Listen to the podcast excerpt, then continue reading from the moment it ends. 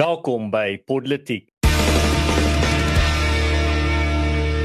Ek is Daniel Elof en saam met my in die ateljee vandag is Ernst van Sail en Frederik van Dijk wat later by ons aansluit en in vandag se episode. Taal in skole en spraak bedreig en sanksies teen Rusland styg. Nou kom ons aan ons is hierdie week se politiek en ons skop af met een van ons eerste stories wat ons nie aanvanklik gelys het nie maar uh, nietemin 'n verskriklike belangrike storie erns wat die afgelope dag eintlik nou uh die hoofopskrifte getref het en dit is Afriforum se hofsaak uh oor die Kreer Wildtuin en hoe hulle nie hulle wil eintlik maar die tuin uit die Kreer Wildtuin uithaal. ja, Daniel, so daar was nou 'n groot uh groot wen vir Afriforum nou onlangs en dit is uh, uh miskien net miskien bietjie konteks gee vir ons in die die wen self ingaan. So uh, Afriforum het 'n hofbevel bekom wat uh, Barbara Creasy, die minister van Bosbou, Vissery en Omgewingsake se besluit om 'n omstrede mynaansoek te hersien tersyde stel. Die aansoek is reeds in 2019 ingedien om dig by die nasionale Kreer Wildtuin te myn.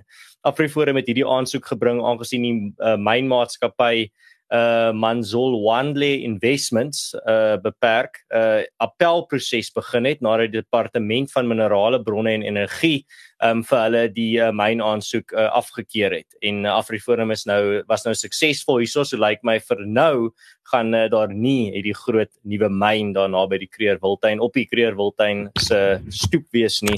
So uh, hopelik uh, is dit nou die einde daarvan maar ek dink daar kan nog daar's altyd maar praatjies kan ek onthou oor die jare oor uh, steenkoolmyne wat die ANC wil laat bou daarso in die Kreerwildtuin. Allerlei soort minerale uh wat dit daar wil ontgin en uh, dit sal soos jy gesê het die tuin uit die wildtuin uithaal en dit raak maar net dan nog 'n 'n mynbou industriële gebied en is dit nou regtig wat ons wil hê so ek's baie bly oor hierdie oorwinning en ek uh, dink in die toekoms ook is dit maar iets wat mense op die uitkyk voor moet wees as jy enige praatjies of iets sien soos dit moet jy dit maar aan die aandag bring van mense want die regering probeer baie keer so in die in die geheimsinnigheid uh sulke goed deurforceer.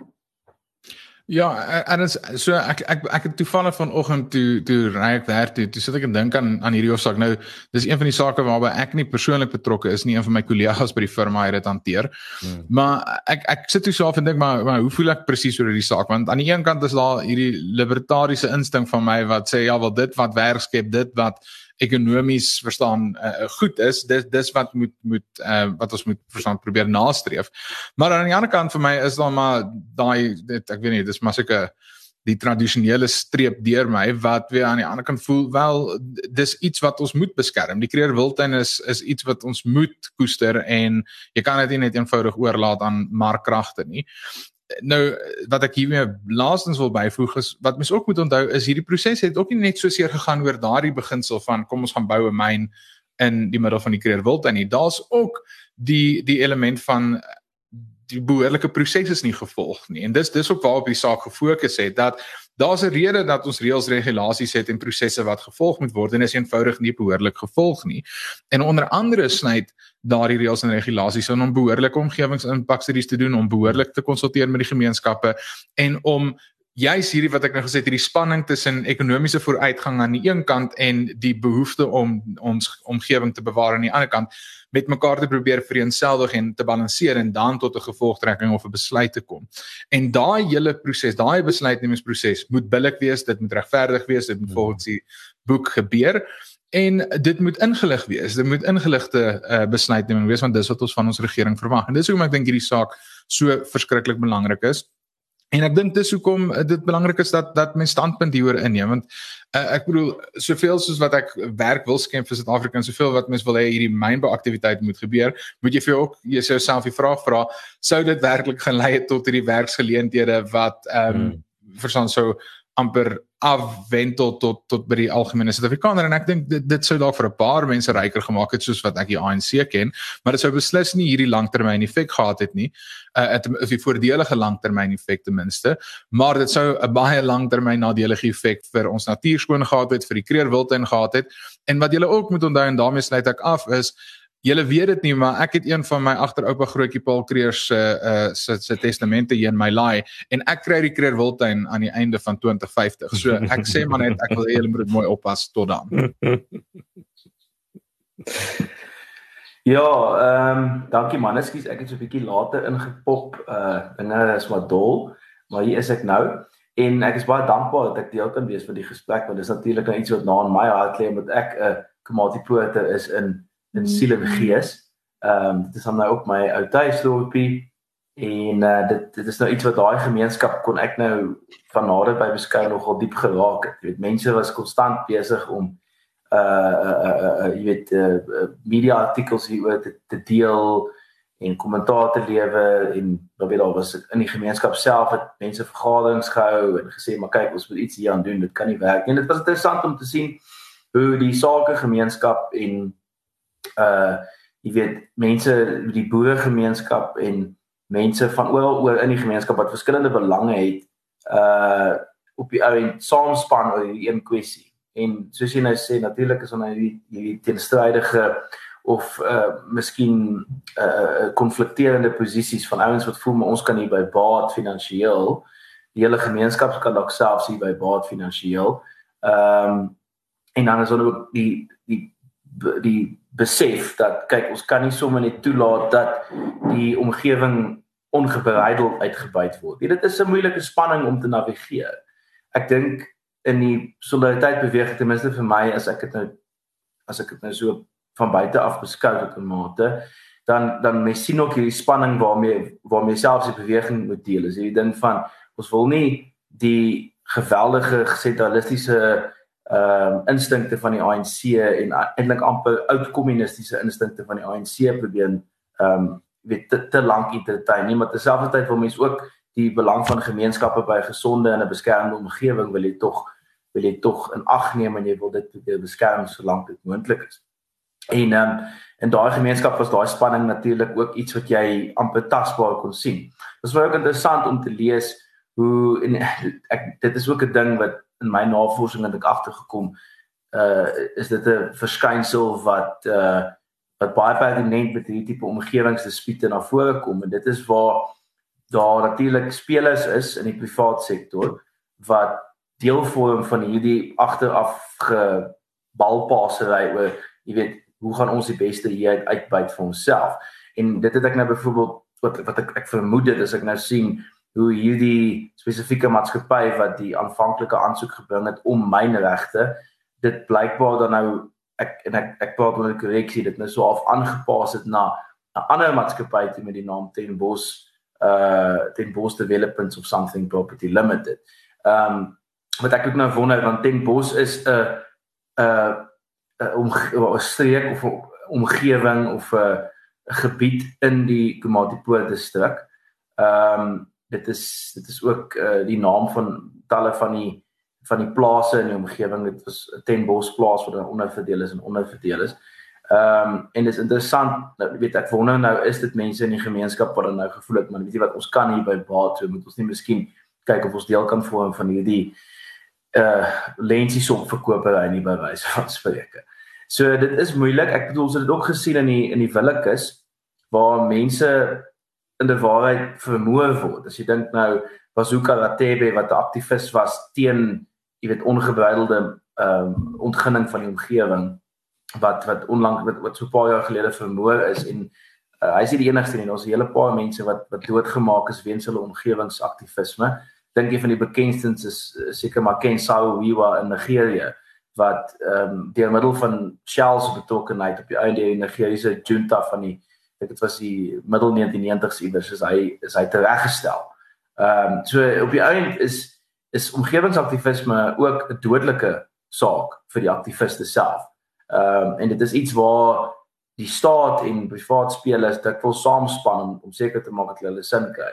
So dit is ek dink ons kan baie dankbaar wees vir pogings soos byvoorbeeld deur af en voor deur die klimatiese gemeenskap om hierdie ding ehm um, so gou as moontlik op wettige wyse in die kiem te smoor. Ehm um, en dit is nog nie heeltemal in die kiem gesmoor nie want dit is 'n baie positiewe aspek. Die hele omgewingsbestuurwet is 'n baie positiewe wet. Ehm um, hier was bloot die appelproses wat die minister nie mag goedgekeur het nie. Ehm um, dit sy kon nie die appel toelaat in die eerste plek nie. So dit is 'n goeie begin, maar mens weet nie met watter ander angles jy ons gaan kom nie. Ehm um, ek ek beroep my altyd op teens Elof se benadering van die balance of forces waar hy altyd sê maar die ANC veral in die ANC regering toets altyd die balance of forces. Hulle kyk hoeveel weerstand hulle kry. Ehm um, En ek dink dit is amper 'n perfekte segue as ons kom by balance of forces in die gesprek oor die taalbeleid in skole wat ook waarskynlik 'n toetsing van die balance of forces is. Ja, inderdaad. En ek sal sommer daarmee afskop. Ek wil twee stukke wetgewing eintlik bespreek as jy nie sal omgee nie. Die een is hmm. uit die aard van die saak, die taal uh, Jy is ons regskenner uh, Daniel, so jy het die volle vloer vir die ene.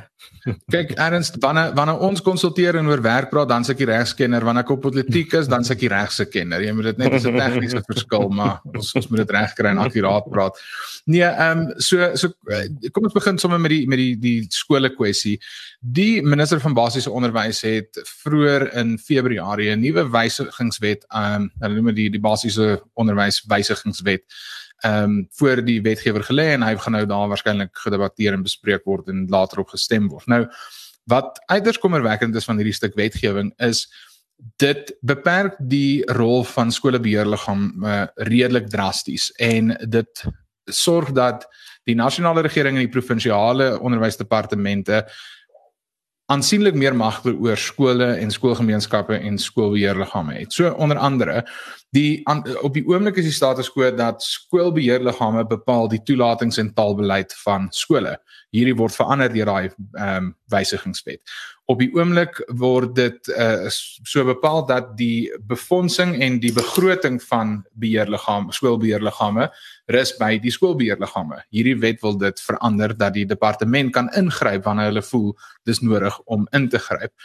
Ehm um, hierdie hierdie stuk wetgewing beoog dat alle plasings dit eintlik maak hom voorbrand dat alle plasings op 'n sentrale wyse gaan plaasvind. Nou ons almal weet wat gebeur elke liewe jaar in Gauteng waar ons al klaar 'n sentrale plasingsstelsel het waar honderde duisende leerders elke jaar hmm. aan die begin van die jaar in Januarie kom en hulle het nog nie 'n plasing by 'n skool gekry. Ek wil dit dit maak eenvoudig nie sin dat die hoofkantoor van 'n provinsiale departement probeer om elke liewe kind by 'n skool te plaas nie.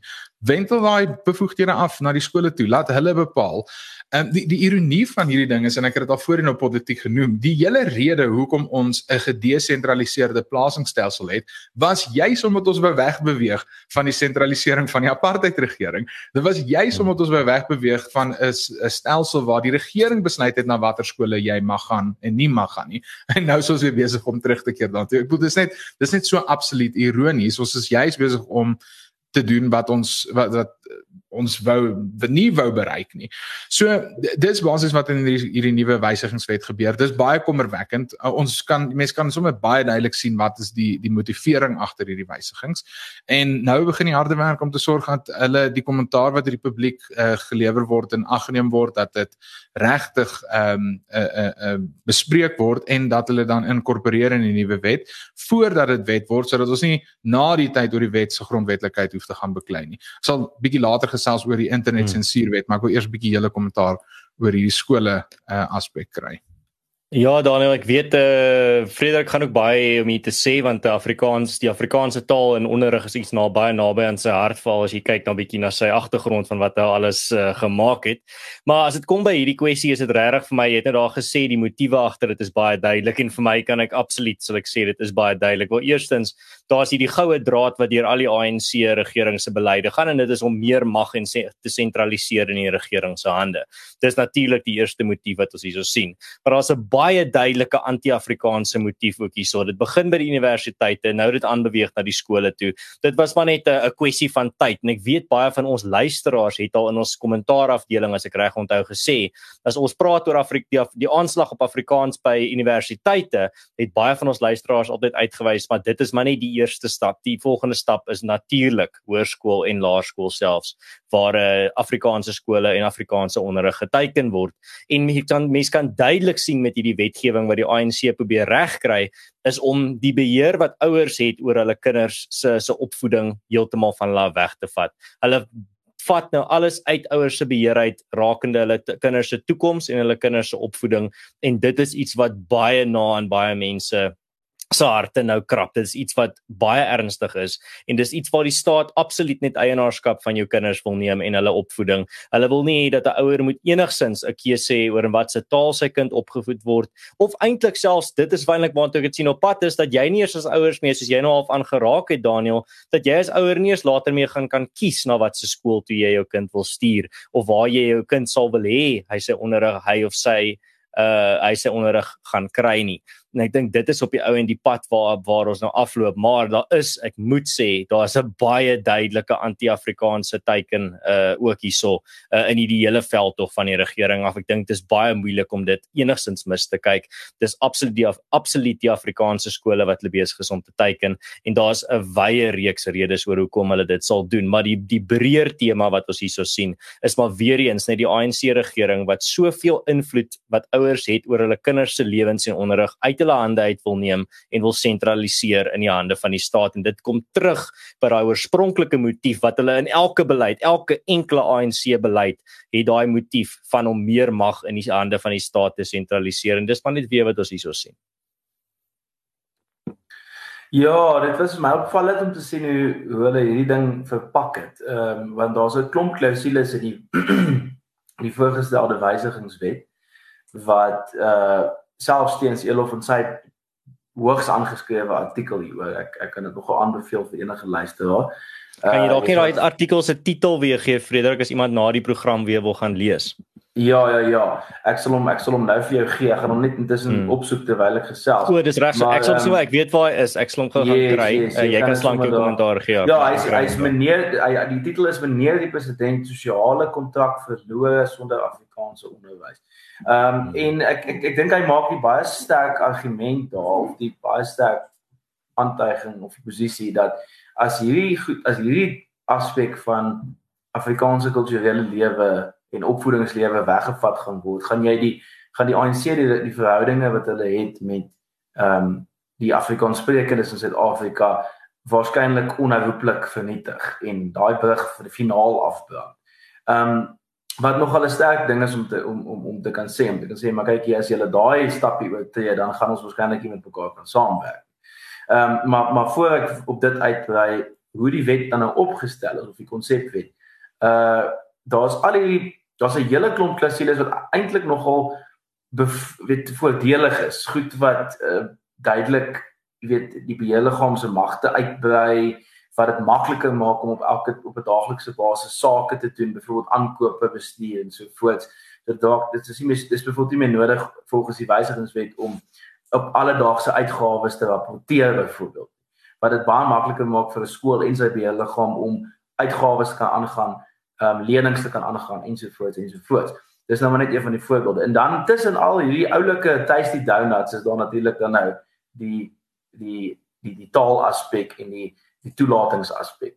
Ehm um, en dit oortuig my tot 'n groot mate dat hierdie weer eens net 'n balance of forces ding is want waarom sal hulle dit so tussenin gooi? Hulle wil kyk wat die reaksie van die publiek is. En die oomblik wanneer jy teenstand bied, soos byvoorbeeld by die vuurwapenwet wysiging rondom ehm um, uh selfverdediging, uh jy weet as daar genoeg submissies is wat terugdruk en sê nee, dan skrik hierdie ouens nogal gewoonlik af. So ek is versigtig positief as daar groot uh grootskaalse sterk reaksie uit die publiek uit is dat hierdie ding nie baie ver gaan vlieg nie. Ehm um, en uh hopelik het mens dan jy weet twee vliee met een klap, jy het nie daai goed nie. Uh maar jy het terselfdertyd ook 'n klomp uh desentraliserende bepalinge wat wel afwentel. En dit dui vir my ook tot 'n mate op ek dink konflik wat dalk moontlik in die ANC wat ons weet in die ANC bestaan tussen ouens wat iets wat meer pragmaties is en sê maar jy moet met die Afrikaanssprekende saamwerk jy moet met hulle skole bestuur saamwerk. Jy kan nie hierdie ouens net heeltyd onderdruk nie. Hulle gaan al hoe meer gat vol vir jou raak. Ehm um, teenoor ouens wat wat jy weet hier wat, wat geappease moet word, die die radikales en die veglustiges en die die hoogmoediges in die ANC en in hulle ehm um, in hulle caucus. So ja, ek ek ek dink dit is natuurlik baie belangrik dat al ons luisteraars hierdie ding gaan lees. Ek dink ons kan selfs die ek kan die bil se skakel na die tyd deel in die chats en ek kan dit vir julle ook stuur om na te kyk. Ek sal dit op ons ja. uh, Telegram groep deel daai skakel Frederik. Mm, ehm mm, um, mm, en dan kan ja, jy dit daar gaan kry. Kom ek ja, ons nou te wil te lede verder gesels. Yes, en ek bedoel dit is heeltemal moontlik om as 'n ou nie wil self kommentaar lewer nie om dit uit te soos na iemand toe wat wat dit wil doen en om dit namens jou te skryf. Dit dit het ek self al baie gedoen, baie ander mense wat ek ken het al gedoen. Dit is moontlik om jou stem gewoonlik. En die lekker ding is as jy wel 'n submissie indien wat jy kommentaar lewer op hierdie weet. Jy kan enigiets sê. Jy hoef nie 'n vreeslike legal argument of iets van die aard te maak nie. Jy kan bloot net sê ek stem nie hiermee saam nie, want ek voel dis nie reg nie en hierso hierso kom. Dit hoef nie verskriklik formalisties te wees nie.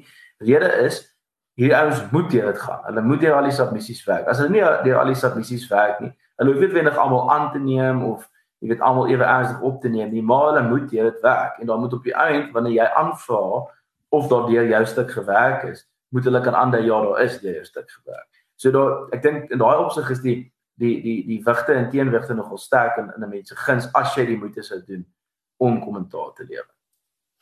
Nou as ek dalk net 'n laaste gedagte oor die skole kan deel en dan vinnig ehm um, die die inter, internet ehm um, nuwe internetwetgewing kan bespreek. Oor die skole mense vra hoekom 'n skoolbeheerliggaam belangrik. Ehm um, wel die punt is dis die verteenwoordigers van die skoolgemeenskap. Uh, dit dis die ouers van die kinders wat daar skool gaan. Ek bedoel hulle is letterlik die demokraties verkose verteenwoordigers van daardie skool en van die gemeenskap om die skool. En dis hoekom dit uit die aard van die saak belangrik is dat hulle hulle bevoegdhede bly ehm um, so, so breed as wat dit is. En is eintlik al klaar beperk. Ek wil dit al klaar begin om om die bevoegdhede van beheerliggame in die laaste 10 jaar minder te maak. Maar die punt is hulle behoort 'n skool se taalbeleid en toelatingsbeleid te kan bepaal. Hulle behoort te kan ehm um, hulle eie finansies behoorlik bestuur sodat hulle ekstra uh hulpbronne aan die skole te kan gee. En hierdie probeer presies dit teiken. Dit probeer teiken dat uh, beheerliggame nie net onderwysers ekstra kan aanstel soos hulle wil nie, dat hulle nie taalbeleide kan handhaaf soos wat hulle wil nie, dat hulle nie toelatingsbeleide kan handhaaf soos hulle wil nie. En wanneer ons hierdie sê en ons praat van toelatingsbeleide en taalbeleide, praat ons nie van uitsluitende ehm um, uh, uh verstaan praktyke nie want daar's al klaar soos wat jy nou vanaf verwys het Frederik teenwigte. Jy kan nie mense net vir enige rede uitsluit nie maar daar is legitieme goed soos 'n taalbeleid wat in 'n skool behoort te wees ehm um, en en dit moet gehandhaaf en toegepas word. Maar nou ja As ek net so vinnige opsomming kan gee voordat ons gesels 'n bietjie oor die oorlog in Oekraïne. Hierdie week het uh, president Ramaphosa ook 'n nuwe stuk wetgewing in werking gestel. Nou hy het hierdie wetgewing al geteken in 2018 as ek reg onthou, maar hy het nou eers in werking getree. En wat hierdie internet sensuurwet, dis nie sy tegniese naam nie, maar dis wat ek hom noem. Ehm um, basies uh, doen is dit gee vir die film film en publikasiesraad 'n hele wye reeks nuwe magte. So onder andere wat dit doen is die wet verander die definisie van inhoud wat hierdie ehm um, die raad reguleer en dan sê dit wel dit inhoud sluit of eintlik 'n uh, verbode inhoud sluit in enigiets wat oorlog probeer 'n uh, veroorsaak wat iemand 'n uh, uh, probeer skade 'n uh, veroorsaak of aandoen enige ehm um, haatspraak enige iets soos dit en dan natuurlik kinderpornografie. En wat die regering gedoen het hulle gesê nee maar hierdie gaan eintlik net oor kinderpornografie. Maar dan glip hulle so daai haatspraak element hierby in. Nou die probleem hiermee natuurlik is, is ons weet hoe haatspraak in Suid-Afrika toegepas word. Ehm um, haatspraak ek bedoel die menseregte kommissie het letterlik al so ver gegaan om te sê nee dit eh, 'n uh, haatspraak word bepaal deur die kleur van jou vel. Met ander woorde, wat een as twee mense presies dieselfde ding sê, Ehm uh, maar die een is wit en die een is swart, kan dit wees dat die een is haatspraak en die ander een is nie. Ehm um, woorde is nie meer woorde nie, dit hang af van wie die woorde uiter. So dis 'n uiters kommerwekkende nuwe stuk wetgewing ehm um, en wat dit doen is dit gee net eenvoudig heeltemal te veel bevoegdhede vir die film en publikasie raad wat nie 'n verkose liggaam is nie. Dis 'n bureaukratiese instelling en nou reguleer hulle vryheid van spraak in Suid-Afrika. Ek bedoel dis net eenvoudig onaanvaarbaar en ehm um, nou ek ek dink eenvoudig ongrondwetlik. Hmm. Frederik, ek weet nie of jy iets as 'n regsgeleerde daarby wil byvoeg nie of moet ons oorslaan na jou eh, storie oor Oekraïne? Ja, ek ek ek, ek het 'n vinnige stywertjie in die RMBs en uh dit is dat die die die, groot ding is woorde is kragtige goed en uh, om iets haatspraak te noem koppel onmiddellik 'n geweldige klomp implikasies daaraan in die regsin van die woord. Soos byvoorbeeld as jy en ek dink dis ook nou ons perfekte segue na Rusland. Toe vandag is my segue game nogal op dit. Maar ehm um, Rusland is berig daarvoor dat hulle die laaste klomp jaar die die woord of die begrip terrorisme, ehm um, destabilisering van die staat en 'n klomp sulke goed gebruik om misdade te skep om dan nou teenstand en aktivisme uh uh te onderdruk binnelands en dit is ook die, dit wat hulle tans gebruik om soveel as ek dink as ek nou die die die, die, die jongste nuushooftrekker gekyk het tot 16000 aktivisme teen die oorlog in Oekraïne binnelands te arresteer en wel seker maar gulag te stuur. Ehm um, so ja, dit dit dit is dit is 'n gevaarlike ding. Ek obviously sê mense dat nie daarmee dat dieselfde in Suid-Afrika gaan gebeur nie, maar dit kan ons kan maklik in die posisie kom waar dit amper onmoontlik raak om om haatspraak te polisieer omdat dit nie 'n uh, uh weet uh, uh ewe kansig toegepas word nie of of ewe weet regverdig toegepas word nie omdat sommige ouens sal kan wegkom daarmee. Wat wel ek dink aan ons gunstel is die onlangse uitspraak rondom die hoërskool driehoek. Ek dink waar daai uh uh, uh konstruksie ramp gebeur het waar drie mense dood is en ehm um, daar nou BLF ouens was wat rassistiese goed kwyt geraak het oor hulle dood is vir die jong mense. En ehm um, ja, ek bedoel dit is in die regte en daai uitspraak het gesê, wel dit is haatspraak daai of hulle nou swart of pink of wat ook al is, die punt is hulle het haatspraak gepleeg en daar's 'n 'n strafbepaling is opgelê. Goed, dan Rusland toe. Ehm um, ek neem aan ek is die aangewese uh yes. persoon om dit te bespreek. Ten minste, ja, ten minste in Leiden, Fred. Ek ek dink ons kan ons kan nou maar net uh, ietsie uh, ietsie gooi daaroor. Ek het nie vreeslik ek wil my eintlik nie julle aan se opinie oor wat aangaan. Ehm um, ek dink daar's baie ander jy weet goed rondom sanksies en die olieprys is baie belangrik. Dit het groot effek op wat Eskom op die oomblik aanvang en wat hulle nog moet doen. Ehm um, en uh, dit het natuurlik ook jy weet die energiekrisis wat nou in die in die kleiner wat nou hier ontstaan gaan gaan waarskynlik baie groter en ernstiger raak as ons dink.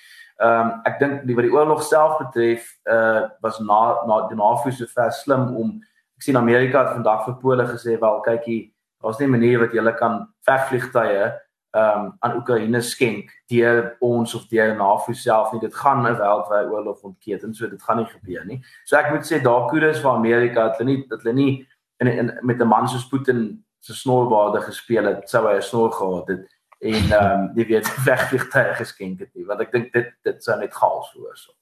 Hmm. Nee, wat ek moet sê, uh, ek was nou nie uh, op laasweek se program om 'n uh, bietjie te want hierdie is nog al 'n storie wat nog aanhou ontwikkel, daar's heeltyd nuwe nuwe goeders wat uitkom. Maar ek moet sê die uh, die om in 'n in 'n ernstige oorlog tydperk soos dit uh, te aanskou, uh, of so ernstige binneval te aanskou net om te sien die hoeveelheid propaganda wat in alle rigtings gestuur word. Nou ek sê nie naïef en dink net een kant is besig om propaganda te maak nie, dit is in alle rigtings van almal af. Ehm um, die Russe sê daar het nog geen van hulle soldate dood gegaan nie. Die uh Oekraïners sê hulle het al 7 biljoen Russe doodgemaak. Dit is maar net dit is hoe oorlog gaan. Dit is hoe dit is hoe binne binneval werk en dit is dit is die die eerste slagoffer in 'n oorlog is altyd die waarheid. Nou as dit kom by hierdie by hierdie hele konflik. Dink ek is dit baie belangrik om ook net perspektief te hê oor wat aangaan. Ek dink Flip Buys het 'n uitstekende stuk geskryf oor dit in 'n netwerk vir of vir netwerk 24 onlangs. Ek dink dit was gister of vanoggend, ehm um, wanneer dit geplaas was en is regtig wat daarin maak uit die punt dat dit is belangrik om te verstaan wat hier aan die gang is. Ehm um, ons kan nie die soort analise doen waar jy kyk na 'n uh, 'n land soos Rusland of 'n 'n persoon soos 'n leier soos Putin en jy sê net maar hy doen dit want hy's boos. Daar einde van die storie maak jy boek toe nie. Hier's baie komplekse goed aan die gang. Hier's baie nuance aan die gang.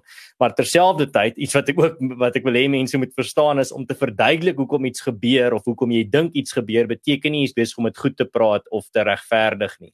Maar dit is vir my belangrik om te weet wat rondom my aangaan en te probeer redeneer hoekom wat rondom my aangaan gebeur. En dit is hoekom uh, ek dink veral omdat ons nou vandag praat oor die sanksies wat op Rusland is, is dit ook vir my interessant om te sien dat uh, nou wat eintlik maar gebeur is nou raak Rusland heeltemal van die weste afgesny in in wat uh produkte betref wat dienste betref goed soos McDonald's, Coca-Cola, ehm um, die SWIFT-stelsel, uh bankstelsels, ehm um, amp enigiets eintlik die weste het eintlik maar 'n uh, 'n finansiële kernwapen laat val op op Rusland uh hierdie week. uh, of hierdie afgelope paar dae en uh, dit is ons gaan nou gaan interessant wees om te sien hoe Rusland dit hanteer. Ehm um, wat wat ek wel dink gaan gebeur en ek dit ons kan dit klaar sien gebeur is dat dit forceer nou vir Rusland en vir China nader as amper 'n anti-westerse blok. Ehm um, China het nou al klaar 'n klomp uh uh alternatiewe vir Rusland gegee vir baie van die dienste wat die weste nou onttrek het uit Rusland uit.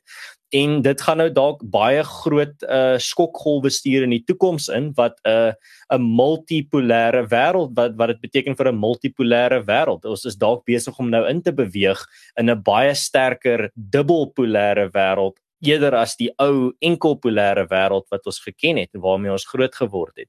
So ek dink dis iets wat ons definitief moet dophou. Uh die die die skaakstukke is definitief besig om rond te skuif en uh, ek stem absoluut saam uh met uh, wat jy gesê het um uh, Fred oor NAVO se betrokkeheid. Ek dink die laaste ding wat nou moet gebeur is nou byvoorbeeld om 'n 'n no fly zone bo Oekraïne te doen. Dis nie asof party mense lyk like my dink die die lugruim raak raak letterlik afgeskakel en dan val al die Russiese vliegtye uit die lug uit. Maar wat dit sal beteken is dat as daar dan 'n Russiese vliegtyg bo Kiev of bo Oekraïne vlieg, dan moet 'n NAVO lid dit afskiet. Wat beteken dit sal ongetwyfeld 'n massiewe streeksoorlog ontketen in die hele Europa en dan gaan dit ook tot die res van die wêreld 'n uh, groter impak hê want ons moet onthou hierdie is uh hierdie uh kragte wat hierso te mekaar gaan veg het kernwapens. Daar was nog nooit in die verlede so 'n situasie nie.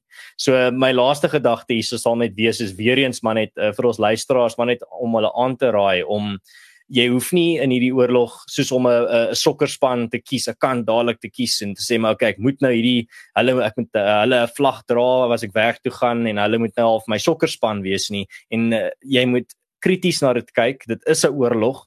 So jy gaan sien daar gaan jy moet bewus wees van die feit dat daar's propaganda in alle rigtings en moenie ek ek probeer self persoonlik nie uh dat ek uh, wat s'e woord uh ek probeer nie wetenlik propaganda versprei nie. Maak nie saak wat die uit, uitkoms daarvan gaan wees nie. Tot al is dit vir die die goeie kant, uh, as jy dit nou so wil stel.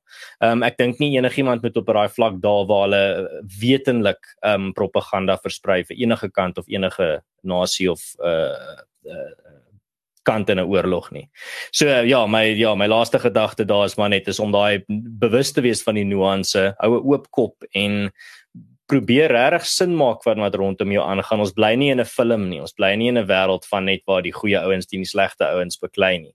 Ehm um, daar's definitief bose dade en goeie dade, maar ek dink daar's baie nuance en grys tussenin wat regtig as jy wil sin maak van die wêreld, moet jy bietjie in daai grys areas gaan rondloop en kyk wat jy daar vind.